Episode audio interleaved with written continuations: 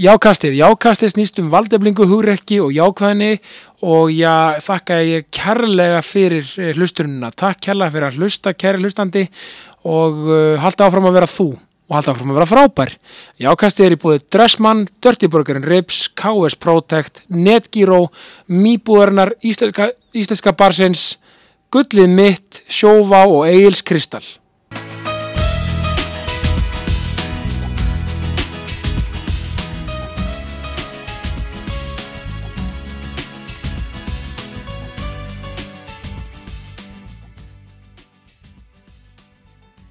Greta Salome Stefansdóttir, velkomin í Jákastið. Takk fyrir, gaman að koma. Já, mín er náttúrulega öll ánægjar sko, ég er hérna, það er svo gaman sko, ég er búin að nota bönni aðdáðandi lengi, Já, ok. bara að fylgjast með ferlinum, bara liggum við bara síðan á skust upp, upp á, sviðstjöfsi. Já, takk fyrir það. Mjög skemmtilegur og, og magnaði ferill og, og bara til mikið með það, svona árum, svona, ég fer svona öfu, öfugan enda, bara ekki með ferillin, svo ræðum við þetta. Já, Hvern- takk fyrir Svo það. hvernig finnst, velkomin í sjófa á stúdíóið. Já, takk, herru, þetta er geggjað. Er það ekki vel tryggt? Já, nota bene? vel tryggt, já, ég er mjög öruginn og þú reyndar að segja mér að leiðinu upp stígan, sko, að við myndum nota hérna liftuna, þá festast hún stundum. Já, þetta er svona pínu, svona að- aggressive lifta, kemur, en að, hún virkar en hún festi stundum. Já, Við nefnum því já. ekki. Við erum að ringa í sjóa, það er að Já, teka þessi. já, en, að koma og tjekka á þessu, þessi, takk. En sérðu hérna, að við erum Ocean View, sko. Já, heldur fann þetta betur. ekki oft í podcaststudió. Nei, alls ekki, sko. Og ég, hérna, ég er náttúrulega úr Mósesbænum, þannig að þetta er ekki sjónahort sem ég hef svona hverjum degi. Nei, var endur að spila í hörpu í gerkvöldi og þá emmitt var ég með þetta view og þetta er bara, já, þetta er, þetta er gegga. Ég segi líka, sko, hérna við allt veginn sem Ísland stendur fyrir, einhvern veginn. Veist, við erum með esjunni og náttúruna og svona og allt þetta, skilur við, hún er nú snæfi þakkin núna, rosa falleg. Mm og svona, maður svona, þegar maður sér hana, ég lakka svo til í sumar þegar maður getur tekið gott esjuhlaup, sko, Akkurat. svo gaman. Akkurat, Svo höfum við sko menningur húsi hörpuðið mitt, Já, talað um já. það, svona, hvað maður að segja, svona menninguna, svo þjóðleikursi rétt hjá, já, skilur. já, Svo höfum við stóriðinu hérna, bara sjáurútveginn, þakka þér fyrir. algjörlega og landakískeslan hérna bara í, í hlaði, já, Já, og takk fyrir að minnast á þau, sjátt á þau, bara takk, takk fyrir okkur, sko. takk fyrir okkur. Já, sko, eh, ég ætla bara að byrja á að koma fullkominn dag fyrir þig, Ok, af því ég er með yndislega samstarfsæðila. Byrjum daginn í, í, í, í hérna vorklass, tökum góða æfingu. já, Bara, bara ekki, ekkert vesinn. Förum í hátíðin á Dirty Burger Ribs. ok, já. Jöfnum þetta, er lögadagur, sko það þarf aldrei að samfara mig um Dirty Burger, sko. Ok, vá hvað það er, ok, her- takk ég þess að klippu þetta, það er ný ölsika Nei, hérna, svo sko náttúrulega því þú, þú býr í Já. þar maður að vera, vera bílandi, Algjörlega. það er ekki annað hægt Nei, nei, ég að- er náttúrulega alltaf á tóiðu. Nákvæmlega, bara sjátt átt En KS Protect í Kópói, þeir lakkverja bílinn. Nú er Þú veist, það er svo það. gott að nú er svona eiginlega hávetur. Akkurat, veist, Jan og Febutur svona mánur frábærir, en þeir eru oft þungir. Já, sérstaklega svona þannig að það er gott að vera með góða lakkverð fyrir sumarið og vorið. Mikilvægt. Klálega. Svo Mi Æsland Gadget, Gadget, snjallvæða heimilið. Bara hvað ég nota svona walking board núna svona þegar að Já. vinna, ógislega næs Ok, þetta er svona fyrir mann með aðtilgi snild og sem vil vera, aðtilgi snild já, ég fíl, já, já, aðtekli snild, Er það ég, ekki? ég fíla það. já, veist, það var gott að vera svolítið móbæl og ég hlaup bara svona, þannig að þetta mælir alltaf er mjög sniðut, sko, Ok, geggja. ármúli 21 svo, svo er dressmann, maðurðinn bara, þetta er að fara eitthvað gig þá bara dressa Já. kallinu upp Bara snild. algjörlega, Egil Kristall, ég er þetta með Kristall hérna í bóði Já, Það er hérna- herði, ég opna mér hérna. þetta, er nýtt frá það, er, er, þetta er sko nektarínu og, sít, og sítrusbröð. Nektarín og sítrus. Já, þetta er svolítið skemmtilegt og bara, bara skál. Mm, þetta er gott, þetta Já, er svona pínu beist. Fínu beist og Já, skemmtilegt. fíla það. Jú. Svo erum við gullið mitt í Kópói, það er bara nota nýtt græn hugsun, kólöfnisborið og allt það. Geggja. Bara takk frá mér og svo er það íslenski barinn. Já, Það er bara hérna stránkæðilegt, íslensk, íslensku matur og stemming. geggja. Já, svo hefur við sjóvá, tryggja vel, hafa allt tryggt, ekkert vesen. Og svo erum við netgíró. Netgíró er náttúrulega bara, þú veist, stafrænt kreditkort og með sömu útvitatíðanbíl og kreditkort. Þannig að bara það sem að vestlæri mánuðinum borgar maður fyrst og næsta mánuðar. Þannig að fyrir það sem þurfa að vilja, bara takk, að bara takk frá mér. Algjörlega. Sko, Greta Salme, jákvæðni, Já, það er eitthvað sem mér finnst hafa einkend þig rauninni allan þeim feril. já. Mér finnst þú, og jákvæðni er náttúrulega allt, skilur, hefur, hvernig snýr jákvæðina þér? Um, ég held hún snúi bara svolítið að manni eins og maður, eins og maður hérna vill. Já, það er alltaf svolítið upp á mann sjálfum komi ég get alveg verið drullu neikvæð. Já, en hérna uh, en ég reyni samt held ég sko í fyrsta lagi reyni ég að láta það ekki sjást á mér endilega. Uh, og ég held að ég sé svona algjörlega minn, minn sjálfi svona versti kritik sko.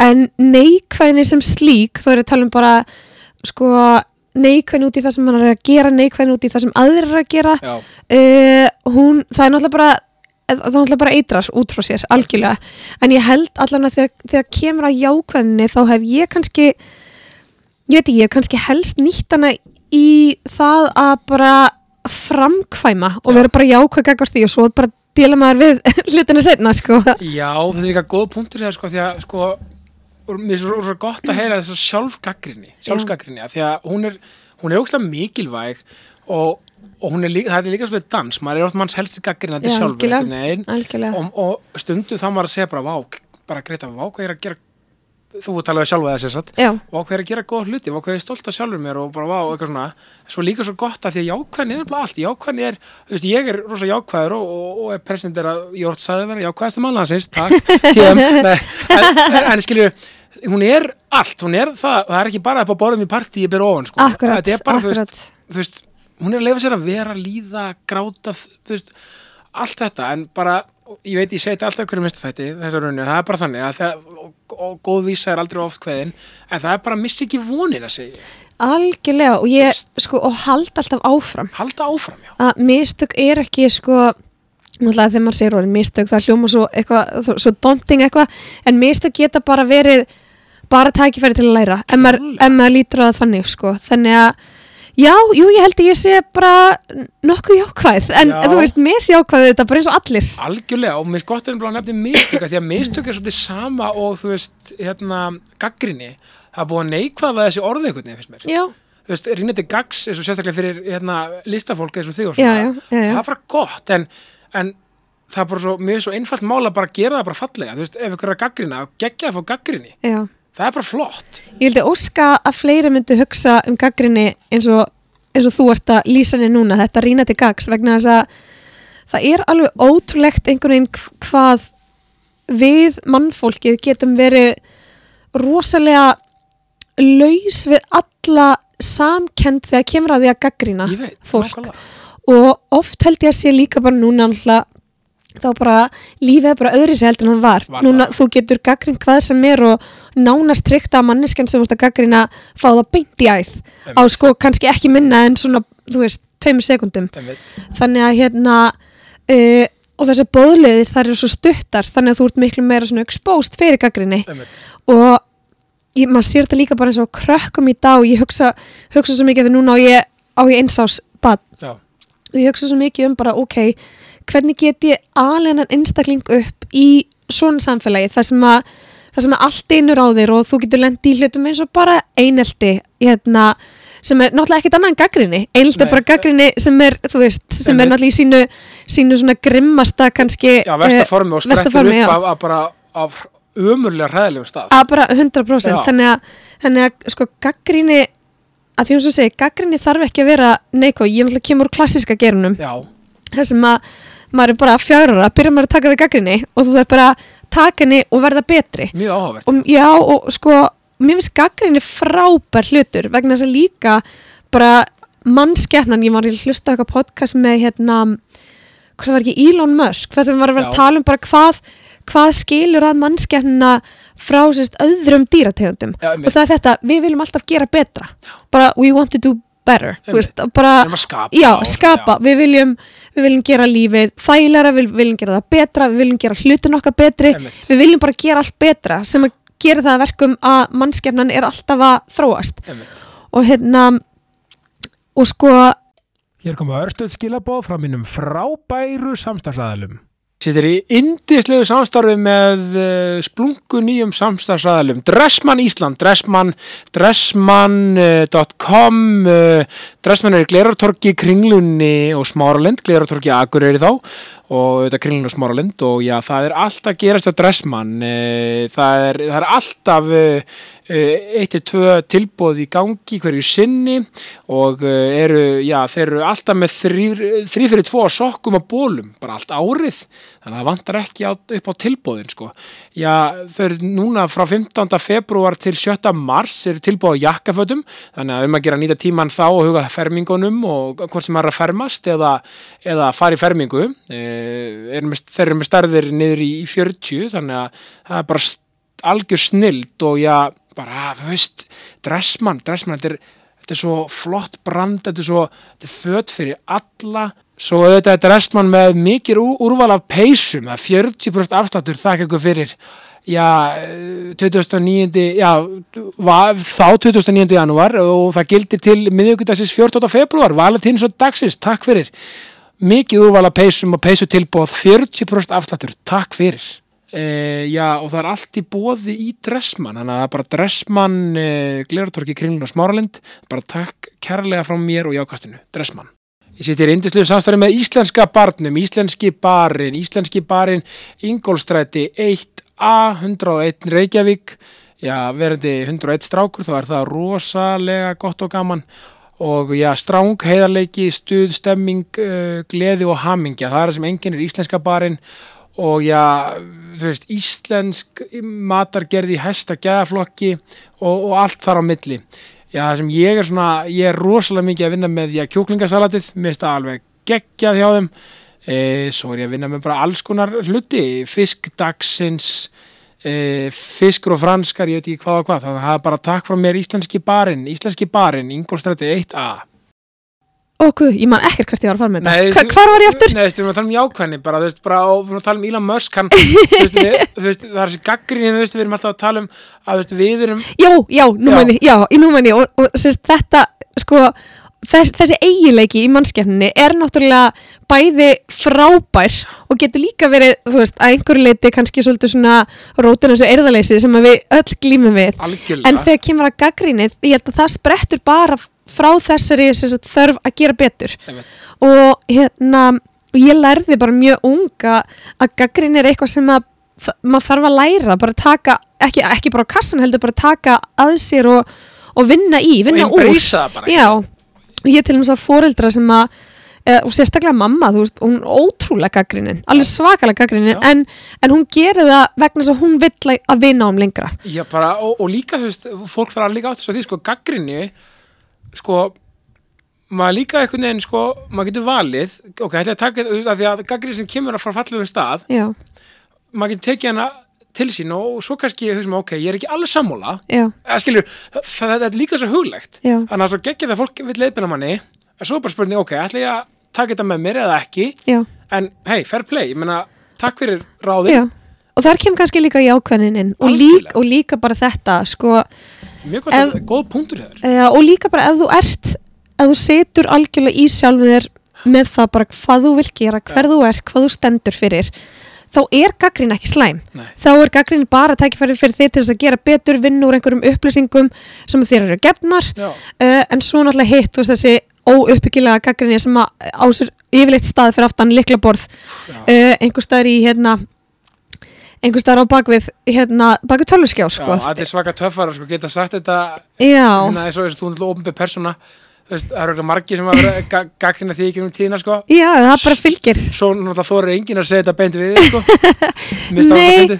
Nei og, og ef fólk myndi þóra því þá bara ekkert mál, ég bara já, ég, ég get alveg tekið tekið gaggrina því að svo líka bara sem að er náttúrulega þegar öllu var botni kvöld þá er náttúrulega miklu fleira fólk sem að vil segja manni eitthvað fallegt sem að, hérna, sem að heldur manni gangandi þetta í þessu en eins og ég segi, þetta er bara spurningum líka að vita hver þú ert, fyrir hvað þú stendur og þá getur þú yfirleitt tekist á við, já, flest. Og Þannig heitir líka naglun á höfið af því að þannig, þannig kemur með það sko, að það eru alltaf miklu fleiri sem eru bara með eitthvað já, hvert og eru kveitandi Já. og svona. Það er bara svona magna að því að, og þetta er unni svolítið skemmtileg stúdía að því ég er að skrifa, skrifa bjeri gerðum í félagsfræði, Já, ok, vor. Um, um, um, þú veist, narratív fjölmila og, og, og svona, hún heitir besli bara getum við ekki verið að sjá hvað er í? Þú veist, að því að umræði, umræðan, hún er átt svo neikvæð. Já, en og einhvern veginn, þú veist, og, og mér finnst að fjórðavaldi fjölmjörnar, maður mætti kannski aðeins auðvitað vera að tala um erfiðu málin eins og ég er alltaf að tala um sko, og það verður að tala um allt sem er erfitt. Já, en við getum betur. líka bú bara fundið og, og, og þefað upp fleiri jákvæða fréttir Já, fleiri, meiri jákvæða umræðu. 100% þú ert náttúrulega líka bara að lifa ótrúlega áhugaverða daga og þá er ég að tala um bara daga og Já. vikur núna þegar kemur að fjölmjölum og, og bara hvar fjöl, fjölmjölar er að staðsetja sig í, í pólitík og í já, og svo líka núna náttúrulega það sem er uh, hérna að ganga á netinu þú veist bara þegar kemur að hlutum eins og banaslýsum og, og svo lýst bara hvar, hvar eiga fjölmjölar að, að staðsetja sig. Og það er alveg- mjög vand með já, færi mjög vand með farið og, hérna, og viðkvæmt og, og bara þeir eru náttúrulega, fjölmiðlar eru svo þetta er svo segir, þeir eru þetta fjór, fjórðavaldi þetta Mhm. er svo, eða sá miðill eða svo, ef maður getur sagt bara sá aðili já, já, sem hérna stjórna þjófélagsumræðinu að svo miklu leiti akkurat og getur einmitt sveiflaðin upp eða niður sko. og ég held að nefnilega að- að- að stundu sem miskili sko, hva, hversu raunverulega ábyrðin er mikil alveg og þess vegna 100% vil ég þess bara með þessum miðli sem ég er með hérna Mhm. reyna svona að koma með svona þú veist, jú það er oft talað um erfið mál og, hérna, og allt þetta en það er satt þessi von af vopni að leiðaljósi algjörlega. Þú veist, það er bara þannig og, og líka þú veist, sjá bara líka fyrst er ekki neikun að vera svona ofan á það, kannski, og það kannski sem situr mest í mann einhvern veginn, það er svona kannski eins og segir, hundrað þúsund kannski bara, já vel gert Greta, að gegja svo kemur kannski tveir, ó, tveir ógeðslega leðilega mannskjur með umuleg komment þá er svona, ó, þetta. Já, og situr það svo mikið hjá manni. Að þetta er þetta mannlega eðli, þetta er neikvæða og líka eh, fréttir, neikvæða fréttir eru alltaf, já, eða svona eiginlega oftast í mest lesið og svona. Algjörlega. Eitthvað svona skandall, bla Einmitt. eitthvað, Chris og Greta með frábæð podcast þau höfum geggja hluti og voru svo uppbyggilega og svona. Það var svona, já já, ok, Já. en hver er að gera skandall? Æ, þú veist, þetta er svo fyndið hvernig við erum. Algjörlega, þetta er svo að segja, þú veist, það, það eru þessi neikvæði komment sem sitja eftir og þetta er bara nákvæmlega það sama og er í tónlistinni. Já. Þú kannski, þú veist, ef ég segi bara hjá mér, ég kannski er að spila eitthvað fiðlukonsert sem er með 10.000 nótum Já. og ég er búin að æfa hann í hálft ár, 5 tíma dag og ég spila hann á tónleikum og ég spila 9.998 nótur fullkomlega. Já. Svo komu tvær nótur sem ég tók eftir sem að mér fannst hræðilegar og hvað lappa ég út af sviði með?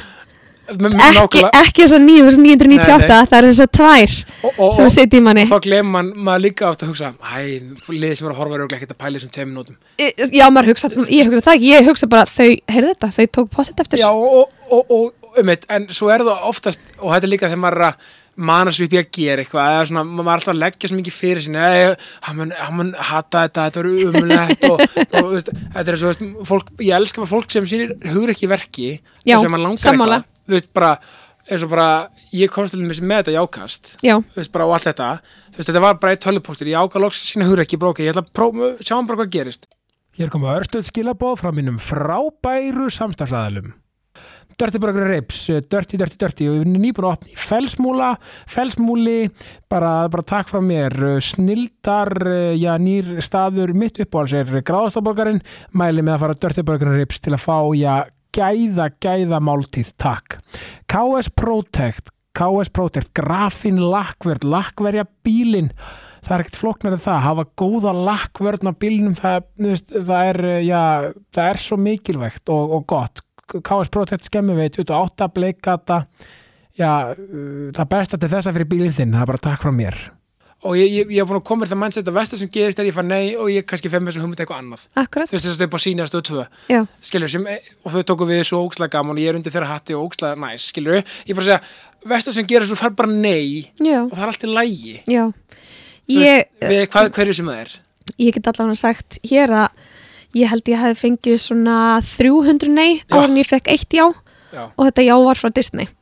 Þannig að hérna, þannig að ég allavega það, ef það er eitthvað sem ég get sagt við fólk eftir að hafa lært þetta the hard way bara negin skipta engum máli, það er jáið sem skiptir máli. Og negin eru, það, er líka svolítið vannmetið að bara búa bara vá, bara vel gert, það er ekki smá já nei, en svo líka svo gott að, að, að fá þessi nei og fá þetta mótlæti en að gesa já, bara mótlæti, Já, algjörlega. hvaða formi sem það er til þess að fyrir, fyrst að kunna meta jáið Já. og, og, og, og góðu tímana og líka bara til þess að byggja upp smá, smá siglu, byggja upp smá svona ok, svona, smá svona smá anda. Já, ekki spurning, alveg sammála. Já, djúvill erum við á góðum stæðina ég, hérna, þannig að þetta er um að gera svo margt og ef, ef við förum aðeins í bara í þig alveg upp í Mosó. Já, heldur betur, born and raised, ég er Born and 270 liggur, þú, ef þú myndir fá tattoo, þú myndir fá 270 líka. Já, alveg, Já. alveg 100% Já. ég er, ég er OG Mosó sko. Var var svona hvað er mikið að listafólki úr Mosó já, það er bara, þetta er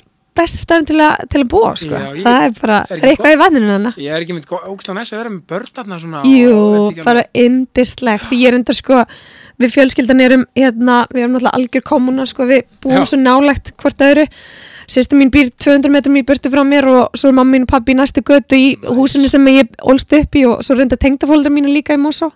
Þannig að við erum bara öll hann á sama blettinum og erum, það er ekkert að okkur að fara Getur sko. ekki passað? Já, þetta er bara svoleiðis þetta er bara, það er bara nákvæmlega þannig. já, þetta er bara Það, það er svona svolítið sveitiborg, það ekki? algjörlega, við erum líka, við erum efst í helgaværslandinu þannig að við erum eiginlega svolítið svona út í sveitinni. Já, þeir eru líku var på kjálnesi Já, Kannski svona, ekki alveg. kannski ekki alveg Við erum nær Mósisdalum Já, já, auðvitað, herri, ég er 101 Já, Það er ekkit að ræða, sko, andan átúsbrökina af mér, sko, það er, Já. bara, það er sveitin í mér, sko. En svo ég sko, svo ég reyndar sérfræðingur í 101 en svo ég var í MR og svo náttúrulega listaháskólan er á Sölvskutu þannig að Já, Þannig ég var eiginlega annarkvort alltaf upp í Mosó eða alveg bara í sko svartasta það er miðbænum. bara alltaf, það er bara, það er bara sko, ökleira Já, það er svolítið mín típa. Já, þú varst í, já, ok, þetta er áverð, þannig að þú varst í, varst þess í, ok, þannig að varst í varmaskóla eða, Já, ég var í varmaskóla. ok, og þaðan í MR, Já, hvernig sko var pælingin á sínum tíma, Ég meina, þú, byrjaði í Súsvíkiskólinu fjörura, já, sem ég ekki, einmitt stelpa minn er einmitt langar rosalega mikið til að læra píano og svona, já. það er gott að fá smá svona, Bara Suzuki, ég get ekki mælt nógu mikið með Suzuki. Þetta er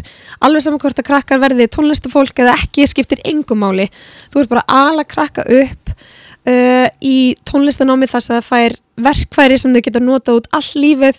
Þau verða miklu betri í hlutum eins og bara tungumálum, hlusta, uh, líka eftir, uh, endurtaka þangað til þau ná einhverju. Einmitt. Það er svo mikið af hlutum í Suzuki sem að er ekkert endilega tengt tónlist og þessi gert í gegnum tónlistina sem þau munu búa að alltaf. váka það er geggja að heyra, og er þetta, en, sko, ég er ofta líka íþróttum við lífið almennt, þú veist, svona lið og hópur og bla bla bla eitthvað, það má líka alveg segja með músíkina, mm -hmm. músíkin endur spekla svolítið svona lífið almennt. Já. það har að vera með smá svona aga, það har að vera með smá svona, þú veist, eh, já, bara, mikið naga. já, og, og líka bara vantarlega svolítið jákvæmt viðhorf og svona Mhm. og, og, þetta er bara svona svolítið endur spekla svolítið margt hvernig Já. almennt lífið er og reyni geggja þannig að þú, og þannig, þannig að músíki var alltaf partur að þér og hefur alltaf verið. Við erum bara svona, svona miðjan í mínu lífi. Í rauninni bara frá því að við byrjum að æfa fylgu og sko. varstu bara fjóra bara, já, vokum langar að fylu Nei, alls ekki að Nei. ynga sko nei.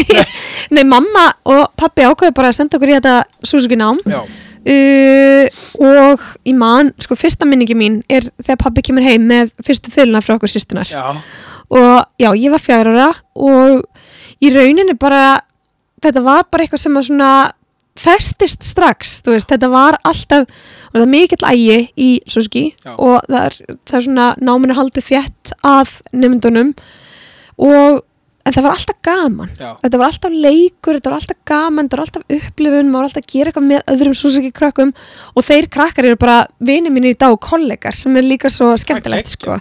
þannig að þú elst svolítið upp með, með fólki sem að verður svo bara vinnufélagar þínir sko. þannig að, já, þannig að tónlistin var alveg svona algjör þungamiðja í mínu líf og líka sýstu minnar, sýstu mín er 15 mánuðum yngre en ég og hún byrjaði að feðli líka. 15 mánuðum, er það grínast? sko, börni mín eru 4 og 5 Já. að vera 5 og 6 árinu. Já, það eru 14 mánuður á milli. Ég geggjað þannig að þið sýstur Já. og börni mín eru næstu því írski týpurar Já, já, ég veit það, næstu ískir, já. Það munar mánuðum, þannig oh, að, já, þetta, þetta er gegn, og nota bene þú ert ámæli 11. november já, ég er 10. er það? sportreika sýstir hérna sko. Sportrekar, já, þetta er, já, sko já, það, en það er nú önnur saga Mér, ég, ég, tóka, ég, var, ég var að vinna heima unna já, vel gert. ég bara, yes, 11. november þetta er gegja maður. þetta er gegja 11. 11. Ellefti, já, 11. það- 11. Herðu, á að segja þér, þegar ég var, af því ég er sérst fættur 91, Mhm. 10, 11, 91 Já, og, ok. og, og 10, 11 búðin, þetta er bara ekki spons, sko en 10, 11 búðin, hún, hún var opnuð 10. november 91 Já, ok, Þannig- Þannig ég fekk að fanga til á 10 ára eitthvað, var alltaf að fá ammæliskeið frá 10, 11 bara Já. eitthvað, gafabrið þarna og bara eitthvað, vá, bara ég sést 10, 11 bann já, bara innlega til að Já, hamja það. þakkaði fyrir, það var hún 11, 11 líka svona tíma? Já, algjörlega, algjörlega, ég fekk aldrei Nei, námælskjöfum. nei, nei, nei, en, en, en þannig að raunni þannig að músíkin alltaf og, og, veist, og var MR svona, var það einhvern pæling var svona, já, ég, ég fer ekki þú veist, í, í, í tónlistina áfram ætlar alltaf við tónlistina eða varst að pæla í læknisfræði möguleika slíkt eða- Sko, uh, ég ætlaði nú alltaf að fara í tónlistina Já. þó ég ha hafi nú verið í smá afnýtum kannski á, á einhverjum ákveðnum tímabilum en ég, ég var alltaf sterkur námsmaður, mér Já. fannst gaman að læra uh, Já, líku vel fyrir þér. Já, líka mjög vel fyrir mér og, og í, sko, í, í hérna grunnskóla þá, þú veist, ég, ég er rosaleg keppnismanniski Já, það er gott Já, já, það er gott að, viss, svona vissuleiti, það, það hefur svolítið svona, hvað ég segja, það er kannski ekki slakað á því, ég náða svona, ég náða vin, hef náða að vinna betur með það. Aðeins. já, svona eftir sem ég hef elst og orðið aðeins vitrari, en, en já, ég var rosalega kjafnismanniski og, og vildi alltaf vera með hæstu einhvernar og, og var alveg bara, já, ég laði mjög hært á mér, þannig að þegar kom að að velja mentaskóla, þá fannst mér að því sko vinið mínir sem voru í tónlistinni fóru í MH, en það var sem sagt hérna tónlistabraut þar, Já, en mig svona langaði meiri listar, kannski já en mig langaði svolítið að þetta, sko, og þarna kom bara algjörlega upp eitthvað svona einhver mentarhróki í mér sem er ekki til í mér í dag, sko, Nei, að ég er bara MR er bara besti skólinn, þetta er elsti skólinn og ég vil bara gera bæði á sama tíma og eitthvað svona, þannig að ég enda á því að fara í MR, en Já. það sem ég gerðist er sko, að því að kerfið var öðru á þessum tíma, Já, já, eh, ég komst inn í listaháskólan á sko öðru, nei, fyrsta árinu mínu minnum mig, í hérna í listaháskólan, nei, í MR segja já, ok Þannig ég þurfti að taka sér sett listaháskólan, bachelornámið og mennskólan Reykjavík á sama tíma. Gerður það? Já, og það gerði það eiginlega flestir á þessum tíma sko, sem voru hljóðflöleikar því að það, þetta var svona smá svona glitch in the system Já. að því að krakkar í tónlistanámi svona tónlistanámi voru komin svo miklu lengra heldur en að námstíð í almennum fræðum var. Þannig að til þess að komast inn í háskóla Bara út af þessum grunni sem þið voru með út á grunninum og út Já. af kerfinu hérna heima þannig að þegar krakkar voru komin á háskóla stig í tónlist, kannski 16 ára þá voru ekki búinu með mentaskóla en þú klára ekki mentaskóla þá á Íslandi fyrir þú ert 18 eða 20 Einmitt. þannig að þetta var smá svona, þannig að þú þurftir eiginlega að fá undan þá yfirleitt til þess að komast inn í inn í hérna listaháskólan en þú gast aldrei klára bachelorgráðina fyrir þú varst búin með stúdendin, þannig ég til dæmis kláraði stúdendin 2006 fóru til Florida svo og lærði hérna tónlist þar í Stetson University. Já, kom svo heim og kláraði bachelorgráðina hérðan frá listaháskóla Íslands. Ok Þannig að að- þú varst rauninni Vá, svona ung búið með svona ótrúlega mikið í námi. Hér koma örstöð skilabóð frá mínum frábæru samstagsæðalum Ég sitt í indislu samstæðu með Netgyro, Netgyro, Netgyro, Netgyro Já, Netgyro, þetta er rauninni svo stafrænt kreditkort sem er með sömu, úttæktatíðanbíl og kreditkort. Já, allt sem þú vestlar í mánuðinu borgaðu fyrsta næsta mánuðar og já, veist, það, það er frábært til að greiða fyrir vörukaup á netinu með Netgyro, uh, þú veist, þannig að þú veist, það er bara hægt að, og þú veist, og það maður ekki verið að gefa upp kreditkortunúmer, bara skrá sig inn og borga og Netgyro, þú veist, bara örugt og þægilegt uh, gleði og hamingja, sko. Þannig að hérna, Netgyro bara, bara takk frá mér. Sjóvá, sjóvá, þetta er nú bara ekkert flóknir að það vantar alvöru tryggingar þá bara ferðu í sjóvá það er ekki flóknir að það, sjóvá.is þú getur séð allt sem sjóvá hefur upp á að bjóða á sjóvá- sjóvá.is og já, sko, gleðin, hamingjan uh, þjónustulindin umburalindið og stemmingin sem er já, við völd í sjóvá er já, er ólýsanlegt. Þannig að þið bara eh, eh, maður verður að hugsa um tryggingar vera vel tryggður fyrir já, vera vel tryggður fyrir hverju sem er. Þannig að þá er bara um að gera að fara á sjóvá.is og, og skoða hverju bóði sjóvá, það er takk frá mér. Egil Kristall. Hvað er ég að byrja með Egil Kristall þú veist, sko, Egil Kristall sko, blái Egil Kristallin er náttúrulega bara upp á 10,5 og það er eina gósi sem ég drekk uh, við tórum þetta til grætt kristall, gulu kristall, appisnugulu kristall en blái kri- og þeir eru snild sko. En blái kristallin er bara mitt go to gós alvöru frábært og já mitt uppáhals gós og bara sóta vatni yfir höfuð í heiminum. Þannig að ég er alltaf með já solid já 23 og líku á dag. Það er nú bara þannig. Uh, Egils kristall, það sést hver drekka Egils kristall, það er bara takk frá mér. Já, ég hérna, ég og þú veist, og þetta er alveg ekki nóg þá bara neitt ekki með Nei, ég fekk nefnilega ekki nóg. Ég, ég, og ég er ennþá þannig núna. Ég er alveg bara, minnst ótrúlega um það er góð. alls konar svona, alls konar hluti sem ég langar til þess að læra og, og stútir en, en svo góð bara einhvern veginn Já, örglega sko, en ég hérna ég held að mér myndi bara ekki endast æfin að læra allt sem ég langar að læra. Nei, en svo fór ég reyndar í sko mastersnám í tónlist í listáskólanum eftir að ég flutti heim frá Flórida og eftir að ég var búin að vera heima í ég held ég að vera ég var búin að vera heima í tvö ár og Já. var fastur án hjá symfó, symfóníunni þá. Já, eða sérst fastur án, ég var bara á samningum hjá symfóníunni og uh, fór svo í mastersnámið í, í listáskólan og svo eftir því að það gerist þá í rauninni svona verður bara algjör svona vendipunktur í mínu líf og ég ákveð bara að nú ætlum ég að fara að fylgja minni sæmfaringu í tónlist. Emmitt, og þá svona fóru hlut, svona aðri hlutar að gerast eins og til og með það að ég samti lag sem enda á því að vinna söngakefni hérna heima og fór í Eurovision og kom heim og gáð plötu hjá senu og veist það var túr út um allt, var í frostur og sem á öllu þessu dóti Þannig að þú er henni, þú, þú svona, má segja, þú poppaði svolítið upp, svona, fórst, þú varst með pop, eða varstu alltaf í svona poptólistinni og svona top 40 Já, með þessu skilur já sko alltaf með að hafa aspirationir. Já, ég, ég var Já. það og ég, þú, ég hef alltaf verið algjör aðleita á tónlist ég Mhm. get hlusta ég, ég fyrir rektina og ég blasta Ramstein Já.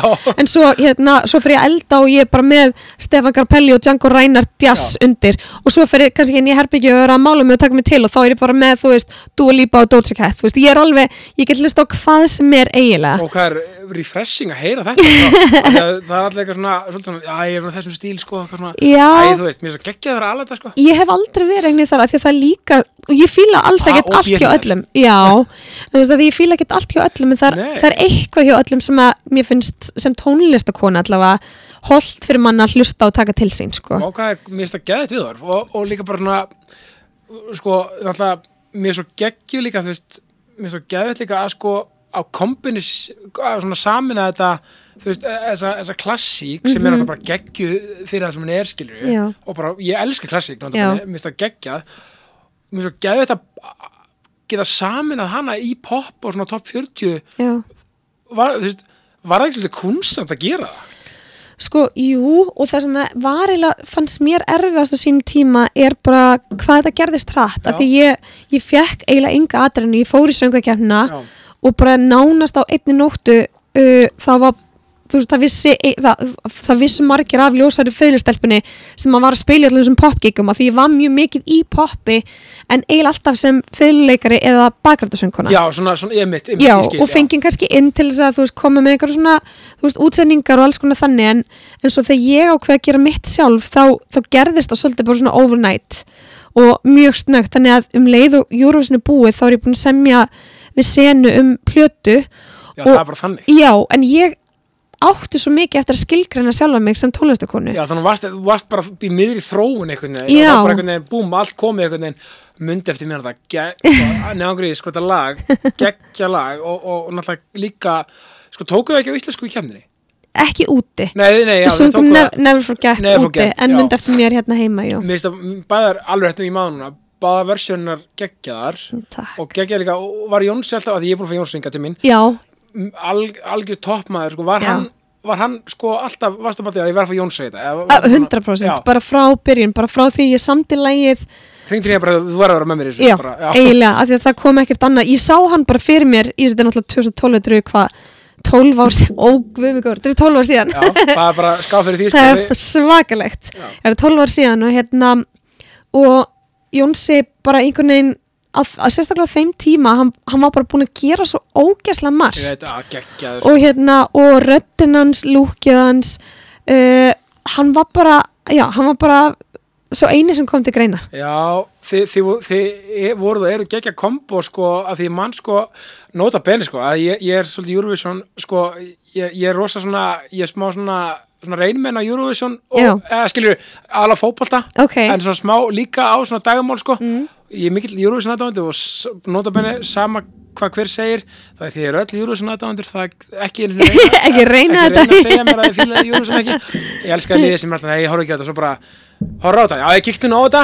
Málið líka, þeir sem að horfa aldrei á Eurovision eru þeir sem hafa sterkust skoðanir á, Já, og því. vitar svo mikið En hérna, hérna sko, eh, þú veist, þessi undakefni var drullu góð, sko. já, nú, nú er hérna Sko, þið náttúrulega voru með bláum ópal í... Já, já, já, í, já Í, Guð, þú manst þetta betur en ég já, þessi sem bara geggjað. Ég, sko, ég, ég man nefnilega af þegar sko allir í kringum mig, Mhm. þú veist, það voru allir bara eitthvað, þetta eru tvo gæðeglu eitthvað, en Blar Ópall fer að því að þeir eru með, með þjóðina sko. Já, það eru með svona líka krakkana. Það var, veist, það þeir, þeir voru með svona, svona yngra krátið. Algjörlega, en, og ég man sko þegar voru þarna bara moment bara hjarsláttur skilur bara split screen, þú og þeir, þið og þeir bara eitthvað. Ég, ég svo ok, ok, veist, bæðilegu geggjum Blar Ópall fyrir pott þetta því að þeir eru með alla úlingana það, Mhm. svo bara myndið til mig bara eitthvað Ég, ég man með þú, ég bara, ég, ég var aldrei svona hissa en samt verið, ég, jafn góð lög skilur Já, jafn takk. mikið væp Já, skilur, já, bara já. svona Náttúrulega mjög ólík mjög ólík Já. og bara, og bara geggja en, en þú veist, og svo svo líka veginn, eftir þessum á leið Mhm. manni á 2012 að við, veist, eða hvað þetta verið í janúar, februar eitthvað svo fyrir að líða keppni Mhm. ég man bara svona, ég, ég byrjaði að embracea lægið hjá mér bara svona, vá, þetta er geðveitt lag þú veist, bara svona mér fannst það fyrst, svo bara svona var það, og ég var, svo, ég var fan number one, sko, þegar að koma keppni, sko, Já, ok, geggja og líka bara ennska útgáfan, það var eitthvað, það var svo, og þið stóðu ykkur svo vel. Takk fyrir. Í Bakú, maður fara til Azerbaijan, það var nokkert smá. Nei, það var náttúrulega bara, hvað ég segja? Upplifun, Já, það var upplifun, það var líka bara mjög erfitt. Kristalshöllin Já, sem að náttúrulega og það var svolítið svipa væp í kringum þá keppnu og er núna. Já, uh, já, það var náttúrulega mjög, er mjög mikið fjörmjöla máli þessi höll og þetta allt saman. Já, og það, það, það var margt það var svo margt skrítið í kringum þá og, og bara erfitt og sérstaklega kom til sko uh, ég hef nú reyndar ekkert mikið tjá með um þetta og uh, voða lítið sagt frá þessu sko. En hérna en þess, sko, þetta ár núna í ár svona er búið að ífa upp fyrir mér hluti sem að gerðust þá sem að sem ég einhvern veginn hef aldrei kannski hvað ég segja? Kannski færi á eitthvað mjög djúft í sjálfu þeir einhvern veginn Nei og bara þú veist þeir hafa alveg svona setið í manni og maður he- hefur einhvern veginn bara svona sett það til hliðar. En hérna en hluti sem maður er alltaf bara ósáttur við einhvern veginn. Og hérna og það sem var bara erfitt var það að þegar einmitt sko þegar undakefni var einmitt þegar Blá Rópall var að keppa ég bara þegar þú segir þetta ég, núna mann ég þetta svo, svo svona vividli Mhm. það var í rauninni sko þessi vika í aðdraðanda undakefna, sem sagt úrslitakefna hérna heima á Íslandi, Mhm. þá kemur sagt, BBC fram með þessa fréttir að þessi höll, þessi kristalshöll í Bakú sem átti að nota undir Eurovision, að þar sagt hefði verið fátakra hverfi uh, minni mig, ég, bara með minnir þetta sé verið já, og þau hefði rauninni verið jöfnuðu jörðu til þess að þessi höll gæti risið. Einmitt og það varð rosalega svona hérna það a- bara eðlilega mjög mikil reyði í kringum þetta og Rúf náttúrulega byrtir þess að fréttir líka. Nema svo það sem gerist líka er bara í, í rauninni fyrir úslitakvöldi heima þá dregur BBC þess að frétti baka og segir þetta er ekki rétt. Já, og, og Rúf gerir náttúrulega það sama og, og hérna og ég man sko við tókum fund niður á Rúf þar sem að var verið að segja bara svolítið sama og við verið að segja núna að hérna jú, við erum að tala við hérna IBU, við erum að tala við sem sagt hérna ríkisútdörpin í, út í hérna Evrópu og það er allir sammálum þetta þú veist, það, það, það er búið að draga þess að frétti baka það er, þú veist, það var pínu bara svona það er ekkert að sjá hérna nei, nei, nei, nei. og við bara ok, þú veist, við erum náttúrulega tónlistafólk frá Íslandi, við erum ekki við erum ekki á staðinum úti, við erum engar enga í rauninni ástæð til þess að rengja ríkisútvarpið um Já, þetta þeir eru líka bara ekki kannski pólitíski leiðtóa sko, þeir eru bara listamenn að sko, fara á svið þar fyrir utan Já. nema svo það sem að gerist er sko hérna, svo bara fyrir undirbúningu við vinnum hana uh, þetta kvöld og svo fyrir undirbúningur í gang og þetta er alltaf pílutu svona, svona background, no, background Já, noise. já, já. En, en aldrei þannig að það væri neitt staðfest. Það, var, það voru komið einhver svona litlar fréttir sem voru svo dregna tilbaka Það Ég man eftir sem þú Já, segir þetta. og Rúf, og Rúf svolítið svona, þú veist, við,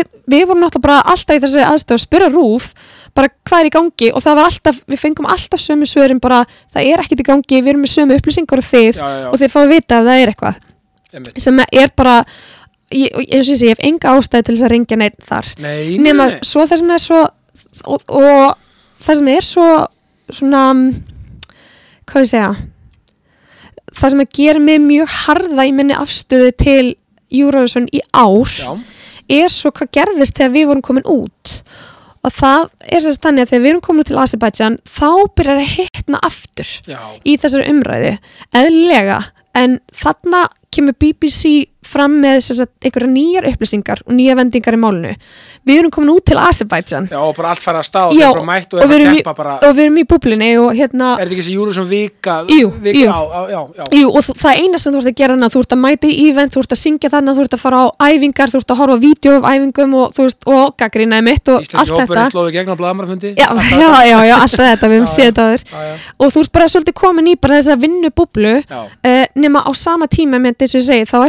á aukast hitin hérna heima og Amnesty fer að stað með gefum mannettit um tólstig hérna uh, Já, já. uh, herferð sem að við til dæmis okkur var aldrei búið að taka þátt í og við vissum ekki af og þau sett hann að stað eftir að við erum farin út og, og rúf er bara í því að segja bara, okay, það, þetta er ekki rétt veist, þetta er bara, við erum bara með sömu upplýsingar nema svo svona nokkrum dögum fyrir keppnina þá er, er, er þetta bara orðið það er bara orðið mjög hávær umræði í þjóðfélaginu já. um það að, að það væri þarna eitthvað, þú veist, eitthvað Gruggugt. gruggugt og, uh, og svo man ég sko að- Lorín sem að kefti hana með Euphoria sama ár Já, já, já, já. hún, sagt, hún og sænska sjónvarpið, þau fara niður í miðbæ Bakú til þess að tala við fólk Já, bara fá bara púlsinn bara. Já og, svo, auðvitað er þetta náttúrulega publicity stunt, auðvitað er það það. Já, já, en á sama tíma þá er þetta ótrúlega flott leið til þess að vekja aðtegli á, á málefninu. Fá bara lókalið til að segja hvað og er að gera. já, og ég man að ég spyr bara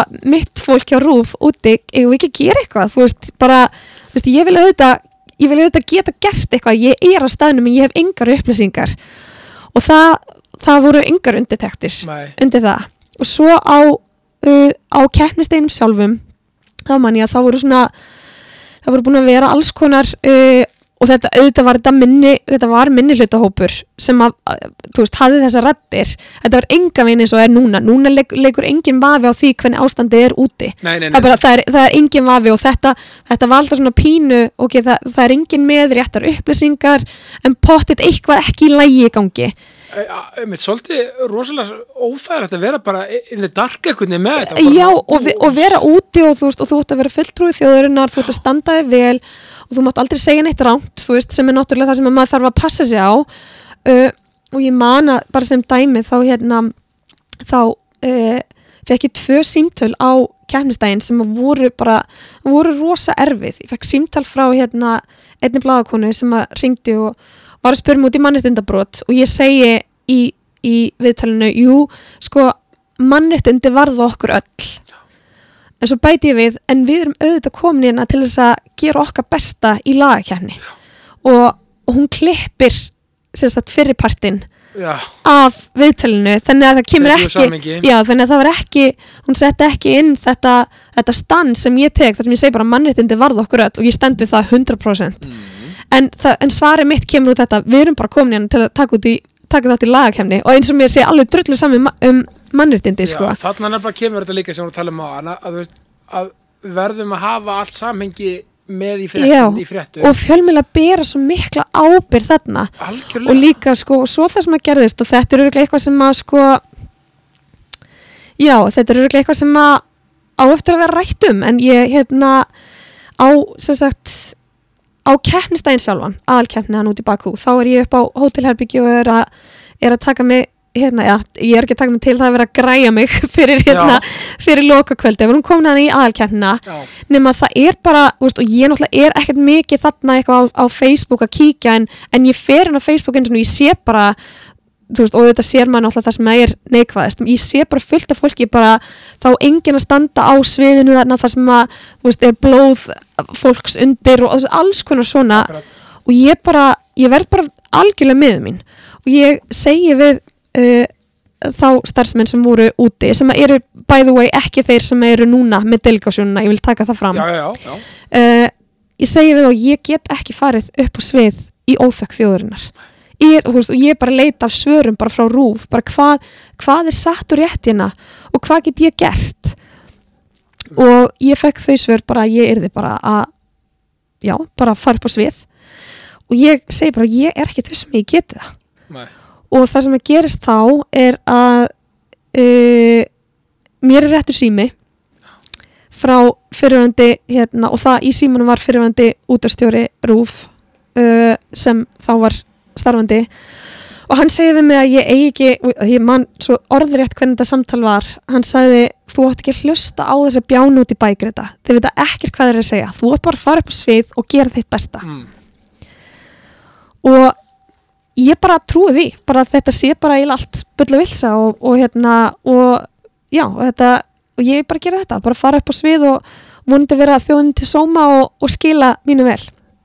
Nema klukkutíma setna þá fyrir þessi útastjóri og lesin fréttinar uh, í kvöldfréttum uh, rúf og þar talaði hann um mannréttindabrót í og, Mm. og hérna sem sagt um já, um þessa höll þar sem við vorum að syngja í þannig að ef, eftir að hafa upplifað þetta þá sérstaklega núna ég get ekki með nokkru móti stutt það að það er að senda sérstaklega unga og upprennandi uh, já, tónlistamenn og tónlistafólk með þessa pólitíska ábyrða bakinu já, já, já. sem að hafa engar sko uh, engar forsendur til þess að taka neinar ákvarðanir. Og þau eiga ekki að gera það. Það á ekki að setja það á þau. Að sjálfsögðu eigum við að taka mannlega ábyrð og við erum að taka stans fyrir okkur sjálf. Og ég segi fyrir mitt leiti ég, hérna, ég hef ekki tekið þátt í ár Nei. undir þessum kringumstæðum. En það bara má ekki setja þessa pólitísku pressu á ung tónlistafólk og láta það taka skellin upp á sviði. Nei, og hérna og á samme tíma sko eins og ég segi það búið að skipta náttúrulega fólki út í brúnni. Þetta er ekki sama fólk núna og var að vinna þá þannig ég ætla rétt að vona að það væri ekki að sama og ég veit bara að það væri ekki að sama upp á teiminu núna, mm. bara frábært fólk sem, að, sem brennur fyrir þessa keppni. Já, en hérna en það skiptir svo ótrúlega miklu máli að hlúa að þessu fólki sem er að fara basically bara nakið á silfurfati já, á sviðið. Og það má ekki setja þau sem einhver skotmörk Nei. fyrir þetta. Þess vegna finnst mér bara við eigum sem þjóð að setja pressuna á rúf það þjóðamorði gangi út á Gaza uh, við getum ekki farið í partíið með, hérna, með Ísrael nei, nei, uh, eins og staðinni núna og bara láta eins og ekkert sé. Einmitt. Þetta er, þetta er, og paldið hvað, þetta er ótrúlega erfitt og snúið og bara allt í kringum þegar svona pólitík og, og listi blanda saman. Já. og það er svo erfitt, þú veist erfitt, þetta er bara svo erfitt mál á alla að kantir það er nefnilega, og þetta er svo flókið því að svo sama tíma eins og, eins og þeir hjá Rúf hafa bent á sem ég er svo algjörlega sammála bara hvernig hefur að taka þessa afstöðu gagvart einhverju já, léttvægu en maður getur sagt það þannig og Eurovision? En svo er, þú veist, svo erum við með íþrótta landsliðin okkar að keppa við Ísrael. Já, já, þú veist, af hverju er ekki að taka sömu afstöðu þar eða bara í viðskipta þvingunum eða einhverju, einhverju sem er kannski já, bara hlutum eins og viðskiptum sem er vega talsveit þingra heldur en Eurovision svona í stærra saminginu já, því að þú veist, mér finnst bara svo líka þegar þetta er hérna, þegar þetta er, sko, þú veist, að því að þú veist, svona einhvern veginn það var svona búin að svolítið búið að, þú veist, að því Eurovision er bara svona gleði, hamingja, Já, já. valdefling Já. veginn, þú veist, bara stendur fyrir það Einmitt. og jafnrétti og allt þetta já, en svo einhvern veginn er þetta núna veginn og held ég bara, ef ég fer ekki með ráttmál bara svolítið allstaðar í heim, eða í Evrópu Ég held- lita já. af svona einhverjum pólit, einhverjum pólitík og og... ég held líka bara þetta verður aldrei gaman í ár, Nei. þetta verður þú veist, þú ferð og fyrir þessi listamenn sem þurfa svo að fara núna og, og berskjelda sig upp á sviði með lögin sín og taka við náttúrulega öllu því góða og slæma sem því fylgir burt sér frá pólitík. Já, ofan að það fylgir núna þessi massífa pólitíska pressa og ég bara ég, ég, eins og staðin er núna þannig sko á kasasvæðinu það er bara ekki hægt að réttleita þetta Nei. finnst mér veist, þetta er ekki, þetta, þetta er engan veginn á sama hátt sko, eins og þetta var 2012 þar sem það var eitthvað svona það var eitthvað svona uh, það var engin, það var engin sammál um hvernig hlutinu voru það voru aldrei neina svona konkrétt fréttir sem það var aldrei já, það, haps það var var, já, það var aldrei þetta er, þetta er ekki, þetta er svona já, við fengum aldrei sannleikan þarna blasir hann bara, hann starir í augun á okkur. Já, já, þessi sannleiki og hann er svo sár og bara öll þessi börn og þessir, bara þetta saklösa fólk sem er að deyja alla daga, þetta er bara já, það er ekki hægt að finnst mér að fara svo bara og, vera mættust í partír nei, Það- maður ma, ma er einhvern veginn með hann harmleik sem er í gangi að núti, maður veist þetta mikið hvernig maður á að vera. Nei, þú veist bara, ma maður sé myndir og svona og maður er bara bara hvað, þú veist, bara ma- maður, veist, maður er eiginlega bara orðlega ma- og svo líka því ég segi fyrir sjálfum mig ég elska þessa keppni, ég elska Eurovision og söngukeppnina, mér finnst þetta að það má segja svo margt, auðvitað getur þetta verið að fáralegt, þetta er skemmtilegt sko. En hérna, en þetta hefur hins vegar verið frábær vettvangur fyrir tónlistafólk, sérstaklega sem bara ungt og upprænandi tónlistafólk á Íslandi til að koma sér á framfyrir og ég á söngukeppninu svo margt að þakka. Já, já. ég hefði aldrei fengið samning hjá Disney sem dæmi ef það hefði ekki verið fyrir Eurovision. Og alltaf frábæra fólk sem vinnur hjá RÚF og brennur fyrir þessi keppni og bara sjá hvað hvað þau hafa náð að gera keppnina glæsilega, sérstaklega núna síðustu ár það er bara, það er bara magnað og já, ég bara, ég bara óskar út til hamingi með það, Já, hvað er að gera, keppnina frábæra og, 100% og, sko. og gera svona, og koma með mikla gleði inn í stofu, já, já. Og, eru, og þetta er bara, auðvitað er þetta bara fólk sem er að gera sitt allra besta í ómögulegum aðstæðum. Algjörlega, en þetta er allan svona þetta er allan mitt stans svona eftir að hafa farið sem svona, hvað ég segja, hálgjör svona pólitískur píslavottur í þessa í þessa, hérna í þessa ferð sko Já. út fyrir, fyrir rúf og ég, ég myndi bara ekki óska neinum að gera það nei, ég held bara sko, já, þetta er rosa góð, góð punktur og, og einhvern veginn, ég ætla alltaf að trúa því í því þessu, að það verði fundin farsæl og góð löst fyrir alla já, og að allir lappi sáttu frá borði varandi þetta mál já, sem er í gangi núna. já, Ég ætla að þið verum í ákastinu, þá algjörlega ætla ég að leiða mér að trúa því.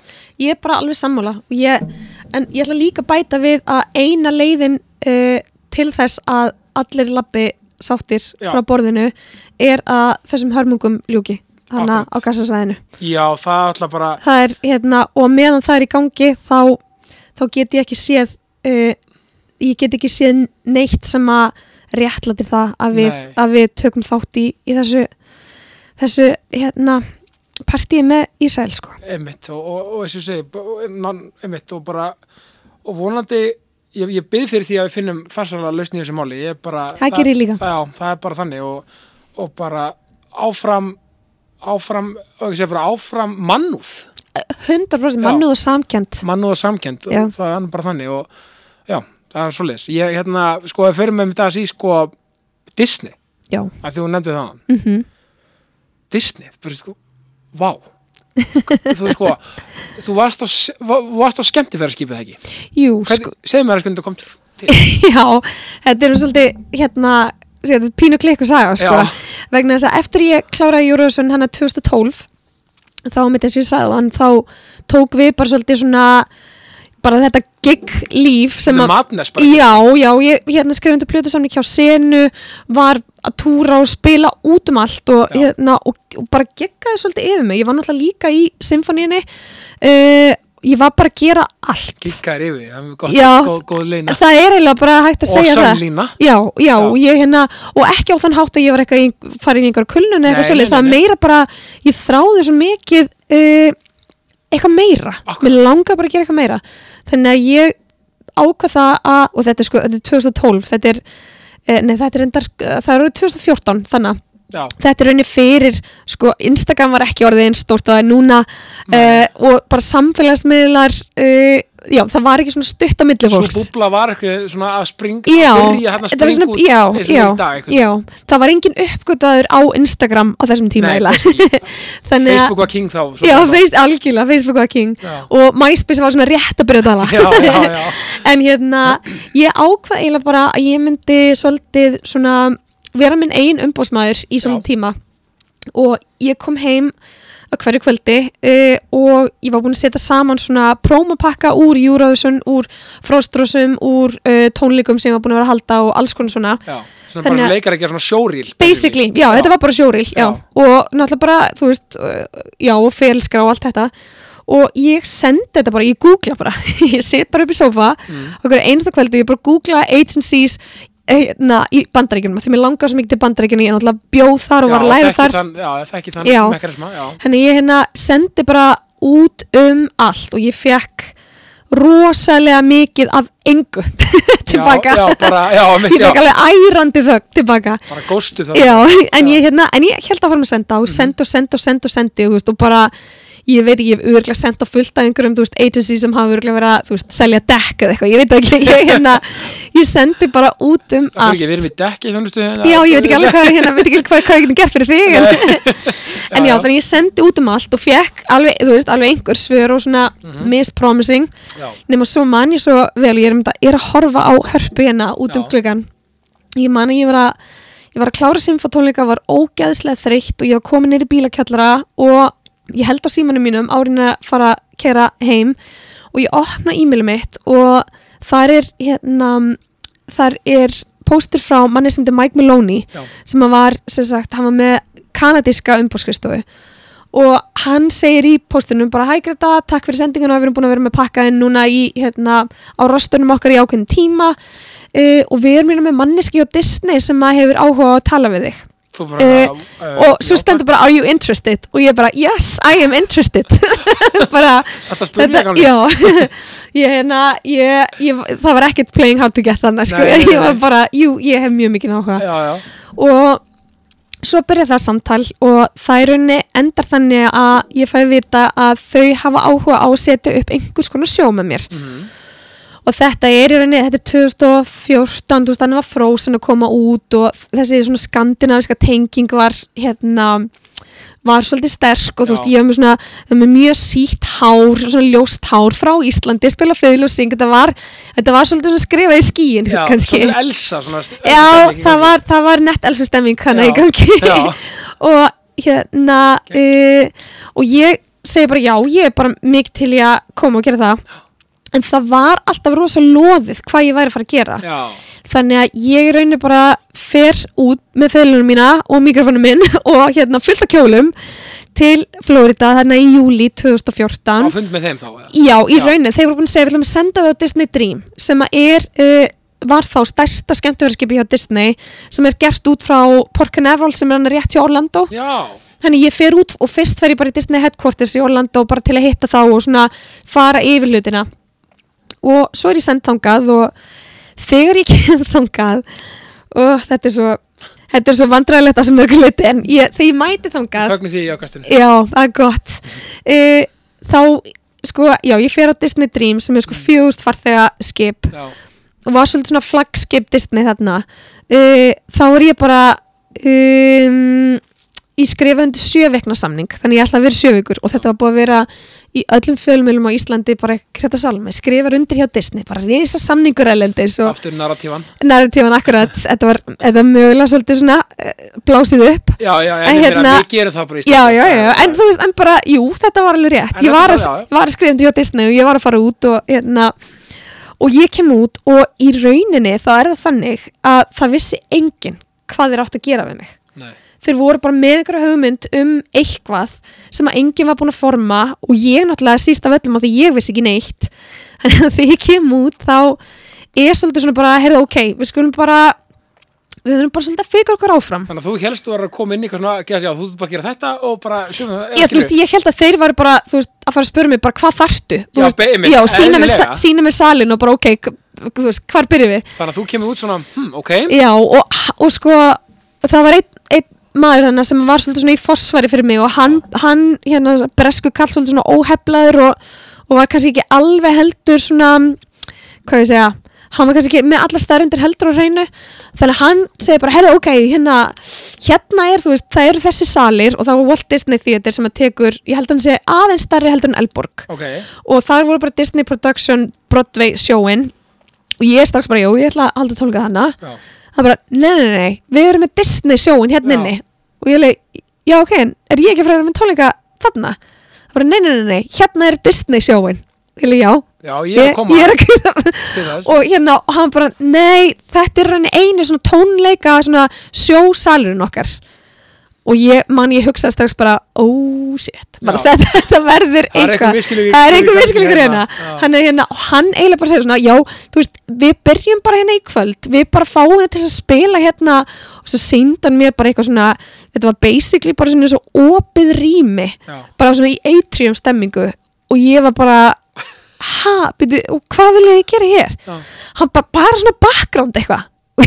Og ég var bara ok, það vita allir á Íslandi að ég er að spila hjá Disney og það er ekki sens að ég fara að spila einhver Disney-lög í backgroundina meðan krakkarnir koma með ísin í, þú veist, í munninum út úr einhverju svona, þú veist, Já, Disney sjói og og ég var bara, ok, veistu það, ég það bara er ekki að fara að ganga fyrir mig, Nei. fyrir miður og, og hann var bara, ok, ok, ok, ok eh, ertu til að gefa þessu sens Mm. og ég gerði eiginlega samning við hann Já. ég sagði ég skal spila hérna eitt kvöld en ég spila mitt stöf og ég vil að við hérna byrjum að vinna í bara sjói Já. Og það var eitt annað svona hérna tónleikarými sem var, heitir búin að vista þétur var meira notað í svona kvikmyndir og svo leis Já. rosa fallur sælum ég held að hann tó- tók eitthvað um 350 Já, eitthvað svo geggjað. Já, það var geggjað en ekki að varst búin að sjá Walt Disney Nei, Theater. vissulega, vissulega ekki. Mér fannst það rosa lítið geggjað þegar ég var búin að sjá aðalsælin Ég skil það en mjög hann var bara, heyrðu, ok, sko við erum hérna með Disney Production Show það sem er bara kast frá Disney sem er náttúrulega bara Disney á sem að var með öll kvöldin í stóra salnum. Þannig að það Já. var ekki séns að komast þangað inn þarna. Hann sagði við erum hérna með annan sal búin að veist að þetta sem við bara þú getur bara fengið hann og við gefum þér hérna bara tvær vikur þar sem að þú getur bara byrjað að undirbúa með tækni krún okkar og svo bara setjum við upp sjó og þú sýnir okkur hvað getur. Þeir greinlega voru mjög spenntir og vildu, að, að, þú settir þessa, þessa, þessi terms sem er bara geggjað. Já, þetta var annarkur það. að fara heim. Ég er að segja það, Já. en, en það verður svo auðvitað þá bara eitthvað, ok, þá bara Já, og ég- En Þeir vildu greinlega halda þér Já, en ég bjóst ekki við að þeir myndi að vilja það að þeir voru ekkert búin að sjá hvað ég, hvað ég þú komið með. Þannig ég hafði í rauninni, ég var bara búin að afskrifa þetta. Já. ég var bara tilbúin að koma heim og bara lappa með pappa þú veist, pappa hérna póka á haustnum þannig að enginn Já. myndi vita að ég var komin heim. Uh, þú veist, þannig ég var ekkert að fara eitthvað bara byrtast í krónunni daginn eftir ég var farin Já. þú veist, það bara Það ekki. Nei, ekki það hérna, þannig við gerum þennan uh, þennan svona samning og þarna kom keppnismanneskjan upp í mér aftur og ég, ég hugsa bara, ég ætla bara að fara og ég ætla að keppa við þessi Disney Já, ég ætla bara að setja upp sjó sem að, sem að ég get allan að vera stolt af og ég get sagt ég keppti við þau. Og go Ég- big or go home. Það var svolítið svo leiðis en það var líka mjög nýtt fyrir mér vegna þess að þarna, þetta er 2014, þetta er tvö ár eftir ég tók þátt í Eurovision Já, og var búin að vera bara, þú veist, að spila og syngja út um allt, en þarna þurfti ég að byrja frá nulli, það þekkti mig enginn þarna, það vissi enginn þú veist, að ég gætt bæði, nefnum alltaf Disney Headquarters, en enginn þarna þú veist, ekkert af tæknikrúnu ekkert af listafólkinu, ekkert af sko leikstjórunum, það vissi enginn í rauninni hvað ég gætt, þannig að hérna, þannig ég þurfti bara að byrja alveg frá nulli og ég vann bara svo skeppna þannig að ég koma upp uh, sjói sem að enda svo á því að ganga rosalega vel geð og þeir sem sagt gerðu svo annan samning við mig þegar þessar sjö vikur voru búnar og þetta sjó var bóð þróast og ég raunin það sem að gerðist þarna var að sjóið var farið að keppa við uh, stóru Disney Production sjóin þannig að þeir mistu fólk og þetta hljómar umulega þegar, þegar ég er að segja þetta. Starrend en, en það var eiginlega þannig að þeir sem sagt, já, það var fólk farið að fara frá Disney sjónum til að koma inn á þetta sjó. Og geggjað og ég bara, þú veist, og ég var ógeðslega stolt af því og ég var ótrúlega bara, Hér koma örstuð skilabóð frá mínum frábæru samstagsæðalum. Mýbúðin, Armúla 21, það er ekkert flóknar en það, ef þú elskar gadget og elskar ég að vera með uh, græjur og tól á, á, á þínu heimili, þá bara fara á, uh, í Mýbúðinni á mi.is, mi.is og já, skoða þann undra heim sem já, Mýbúðin hefur upp á að bjóða. Og til dæmis, þetta er bóls, göngubrettið, walking board frá Kingsmith. Það er bara takk frá mér. Jákvæmstið er í bóði gulli mitt, gulli mitt, gulli mitt, gulli mitt, græn hugsun, notað, nýtt, kólefnisborið og allt, allt það, eh, þú veist bara, mm, leia bás, uh, stuðstemming og gleði, byggkópói, gulli mitt, þú veist, hversu gott er að stuðla að, já, grænni hugsun, eh, föt, gömlu fötin, barna, já, og eða fullarisföt og já, sel, þú veist, stuðla að því að grænni hugsun og, og, og, og, nota nýtt, selja notað og, og, og hérna, fá já, eitthvað fyrir það. Bara geti ekki verið betra, gullið mitt, takk fyrir mér. já, ég var bara ég var bara sátt Mátt líka vera það. Takk fyrir það. En, ég, hérna, en, en, veist, en það var líka vegna sem ég var tilbúin að labba í burtu frá þessu. Já. sérstaklega fyrsta, fyrsta, hérna, fyrsta dagina og ég held að það myndi fara þannig. Þegar ég segi bara ég, þetta, þetta er ekki að fara að ganga fyrir mig þá sagði ég ekki til þess að þeim myndi ganga á eftir mér. Þá sagði ég bara vensa í alvörunni ég get þetta ekki. Það er líka bara að þú hefur hugur ekki til að segja nei, ég vil hafa þetta svona annars er ég bara farin, skilur, ég kom inn í þennan pakka með þetta, þessa pælingu Já. ég er ekki að fara að setja mig við að vera bara eitthvað spila eitthvað fyrir- á meðan mannskapin er að bara pulsu í Já, það, er ekki, það var bara ekki, veist, það var bara, það var bara ekki að fara að gerast. auðveldalegin hefur bara, já ok, ég skal gera það Já, og, ég, og það var er engan veginn þannig að ég, ég lít ekki á mig, ég sé of góð til þess að spila undir nokkur kringustæðum. Nei. Ég bara, ég hugsaði bara, ekki. svona vil ég ekki verja tíma. Nei, það, er svo geggja að standa fastur á pakka þú, veist, að mæta nú til að gera eitthvað ákveðin hlut Já, svo er það allt einu ekki bóði og þetta er bara í bóði það er bara, ég vil gera þetta svona já, en alls ekki með þessu ekki að gera lítið úr því að spila akkurat. Nei, nei, sko. nei, nei, alls ekki. þetta er bara mist cool Já, takk fyrir það. En svo enda ég á því að framlengja þarna, ég var þarna á endanum í tæpa fimm mánuði. já, Og svo þegar kemur að því að klára samningin og ég var bara að fara heim og ég held að það er bara, þú veist, ég var búin að teka þetta af, af listanum og, og geti farið heim til kærastans míns og bara einhvern veginn haldi áfram í lífi og fara Já, í simfó og allt þetta. back to basics. Já, þá buðu þau mér sagt það að þau myndu kaupa þetta sjó já, og fjárfesta í því og, og stækka það í svona Disney Production Show þar sem ég fekk inn bara búningahönniði og listræna hérna, stjórnendur og wow. grafíkara og danshunda og leikstjóra frá Disney til að taka þetta sjó og gera það miklu stærra og fara með það inn í Walt Disney Theater og þar myndi það bara eiga heima og ég enda á því að semja um það og fór aftur til ég fór heim og var heim í svolítið tíma og svo fór ég aftur út og var þar 2015 svona megnið af árinu. Eða svona, já, svona, jú, eiginlega megnið af árinu. Ég kom heiman í ágúst 2015 ég fór í janúar og kom heim í ágúst. Og þá þá kem ég sérst heim og hérna búin að læra náttúrulega bara ótrúlega mikið Já. af því að vinna með Disney. Það bara það er mjög óholt fyrir listafólk að vinna með Disney, ég get bara sagt það. Já, það, veist, það, er, það, er, það er aldrei neinn þú veist, maður kemur eitthvað hugmynd og bara, já, ekkert mál, við bara framkvæmum þetta. Á meðan maður er hérna heima, maður er bara eitthvað telja krónar í productionum sem er að halda bara, ok, ég get ekki gert þetta, ég get ekki skerum þetta. skerum hér, ok en þarna, þarna út er það aldrei spurningum bara hvort það sé hægt, bara hvernig gerum við það. Já, og auðvitað náttúrulega smitast það út í aðra hluti sem maður gerir og maður, maður lærir bara að slá aldrei af gæðum og leifa sér að dreyma, leifa sér að stefna hátt og vera með svona háleit eða hvað ég segja, svona bara crazy hugmyndir sem maður lætur bara verða ver og veruleika. það er nú motto Disney að dreyma Heldur be- í algjörlega að dream is a wish your heart makes. Það er Akkurat. bara, það er þeirra hérna og líka þeir bara slá aldrei af gæðum. Það er ástæð fyrir þetta stærsta entertainment uh, fyrirtæki heiminum. Já. Það er bara, bara ég, og ég hef sagt þessu sögu áður, áður en svona svona mest ekstrím dæmi sem að ég lærði hjá þeim eða sem ég sá að þessu hjá þeim þá var ég satt að fundi í Orlando hjá Disney Headquarters og við vorum að, við vorum að teikna upp sjóið. Og það er sem sagt leikstjóri sem að heitir Tom Vasana sem að segir já, svo væri ég endan á sjóni til að láta hana hérna fljúa svona, þannig að hún er að veist, spila og syngja og hún bara flýgur upp í endan og kjóllin sem hún er í hann, veist, hann verður eftir á gólfinu Já. og verður með svona grafískan svona snjóstorm á pilsinu. Já, og ég sita hann og ég er bara eitthvað veist, það er hellað en hljóma vel. Ég til í það. Og þá segir einhver já en, en þú veist, hún er ekki með svona security clearance upp á að geta farið í beisli og þegar við græjum það.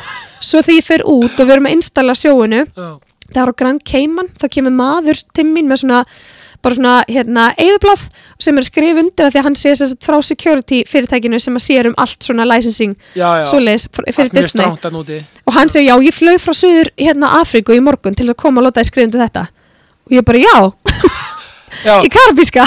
Þannig ég skrif undir og hann horfir á mig og segir don't die, svo fór hann af skipinu og hún var flóið tilbaka. Þannig þetta var bara svona Disney leiðin til þess að láta þetta, þessa hugmynd gangu upp og það bara, það, er, það eru engar fyrirstöður hjá þá þeim. var þú svona eitthvað imposter syndrom shit, Já, það já, ég hef, sko, imposter syndrom er bara, það er svo, það er svo 100% rétt, þegar ég var með imposter syndrom hjá Disney alltaf og ennþá er, er ég með það, Ég sko. meina ef eitthvað myndi fljúa frá Suður Afríku til að hitta mér að mér skrifa undir eitthvað sko, bara herru, kannski ekki faxa þetta á mig maður. Nei, þetta er bara að það er- þetta er ótrúlegt. Já, og þetta er bara ótrúlega upplifin og maður lærir svo mikið á þessu og maður verður líka, sko, maður verður samt líka svo þakkláttur fyrir að hafa, veist, hafa bæði upplifað þetta en líka búa í raunveruleikurum sem Ísland er að því að sem já, kippir mann á jörðina sko. nákvæmlega, já, jákvæmst snýst um, realisma og, og um þetta le- lefa sér að dreyma Já, og þetta balans á milli sem er svo geggjað og svo, þú, veist, þú, þú veist, og þú veit alveg bara upp á tíu með þetta, með virðist þér að bæða því að veist, ég fíl ekki að þú veist, þú bara ætlar að sækja draum, mm -hmm. með draum og sóttir hann, já, þú veist, með því að leggja inn vinnuna til þess að sækja hann. Svo áttu bara í besta hlutur ekki heimi sem er móður í dag og bara, þú veist, og bara, þið skilur og, og eftir bara, bara fjölskyldum mannskjönda heima og bara með þitt, þinn feril. Með með þetta svo geggja að vera, þú veist, að hafa þetta bæði, ég segi bara til hamingi með lífi, sko. takk, ég hérna ég er alveg ótrúlega þakklátt og ég, öll, sko, af öllu sem ég er þakklátt fyrir í, lífi, í lífinu Mm. þá er náttúrulega fyrst og fremst þakklátust fyrir litla stráki minn sem er einsast núna Já. en ég þakklátust manninu mínum í dag fyrir að sko hafa alltaf í gegnum alls konar hæðurlægðir og bara já, eh, hafa alltaf staðið við baki á mér í að elda draumana mína Já. og einhvern veginn ekki, ekki sko ekki, aldrei verið, ekki einu sinni bara fyrirstaða hann er alltaf verið svona facilitator fyrir mig í, í því sem ég er að gera og það er eitthvað sem að ég verð húnum bara æfinlega þakklátt fyrir og ég hef aldrei aldrei verið skotin í honum og ástfokkin heldur en ég er í dag. Og það er geggjað. Já, sjátt á manniðin og, og- og, minn. og, og strákin ykkar og bara, bara vá, og, og bara ykkur öll fyrir geggjum takk, sem leiðis takk fyrir, við erum svo, vá, þetta er gaman ég, þá er henni bara svona aðeins í nót, nót öfinni það ekki Jú, heldur betur, það er hérna ég var einmitt að, við sátum einmitt í gerkvöldi í, saman í sófanum heima í gær Mm. sem við gerum nú ekki oft og eiginlega aldrei til að horfa sjónvarpið. Nú að gera hjá öllum. Já, nú að gera hérna, við sátum í sófanum kveiktum upp í arninum og höfum svona svolítið kósi kvöld. Oh. þar sem við fórum yfir dagatilin okkar. Ah, þetta er svo- líka mjög mikið þetta, því ég og ég gerum þetta líka. Já, og við erum mitt, þú veist mikið var líka að taka stundum date night það er bara Mhm. eitthvað svona að fara bara hvort sem var út að borða í göngutúr eitthvað, ég, ég mæli með að hérna, skella sér á Tres Logos við fórum þangað um daginn. Er það, hefur mig búin að langa að fara svo ótrúlega, ég er búin að heyra svo frábæra Já, ég, ég, hluti. ég mæli með að þú, þú og maðurinn takki dagatölninga með. Ok, einhvern mánuðin, veist, svona gott date einu sinni í mánuði plana, farið við dagatölningar fara á Tres Logos, fá okkur uh, nachos, guðu, tómlegt nachos og bara, sko ég er nefnilega, ég er svo mikill sökkar á mexikoskan hérna mat. Já. Er ekki með ófenga koktela líka? ég er bara að drekka ekki. Nei, ekki heldur. Og við, herru, skál fyrir því. Skál fyrir því. í ofengan kristall, eða Já. það bara í Og kristall ekki maður minn heldur þetta, við erum alveg handónýtt í þessu. Já, vel ekki, ég er mitt ána gaman þér þetta því að ég er mitt elska þennan stað og, og, og, og staði tengda honum að því að þeir eru með svo geggja ofengan koktela Gegg. þannig að mæli með og Herri, ég, ég, þetta er komið á Þetta er komið hérna á listan Þetta er komið á já þá er það bara í lokin bara kvartningu til daginn fyrir mannskapin frá Gretu Salmi. Kvartning út í og daginn næ hefur kvartningi verið í þessum þætti skal ég segja. Já, það er gott að heyra það. Uh, Ég held að sé eitt sem hérna sem allavega er svona dræfurinn minn Já. í hérna í lífinu og það kemur nú svolítið frá henni mömminni vegna þess að ég vil meina að ef það er einhver sem að sem að hefur haft þetta leiðaljósi í lífinu þá er það hún mamma. En það, skiptir ekki máli hvert í fyrir það er alltaf fólk að spyrja spyrja hvort að Kristín Lillindal sé ekki mamma mín af því að hún er bara hún er bara mesta legendið. Shout out. Sjátt á Kristín Lillindal en hérna það er þetta að ef við getum á einhvern hátt uh, og það þarf svo lítið til já, bara skilja eftir okkur jákvætt fingrafar í dag. Og það getur verið svo bara eitthvað eins og bara að rósa manneskunni sem að er á búðakassanum sem að brosi til okkar. Eða bara segja um einhvern ræktinu bara ok, vel gert. Eða bara hei, þú ert drulltöf eða bara taka sér tíma, auka tíma þar sem maður slekkur símanum og horfur á barni sitt. E eitthvað sem maður skilur eftir sér jákvætt fingrafar á öðrum vá. Ekki fyrir sjálfan sig heldur fyrir einhvern annan. Þetta er, þetta er bara þetta er orða sönnu og þetta er ekkert smá inspirandi takk fyrir það. Bara, þú ert heldur betur búin að skilja eftir jákvætt fingrafar bara eftir, á, á mér eftir daginn. Þetta er bara, sömuleiðis, þetta er bara, veist, þetta er svo gott að þú veist, stránkeiðalegt jákvætt og uppbyggjandi samtal. Já, ég er bara að greita saman með, takk kella fyrir komin í jákastið mín var svo miklu meira ánægin já, ég segi bara eins og allt við lokin, ást og friður og takk fyrir mig. Takk sem leiðis takk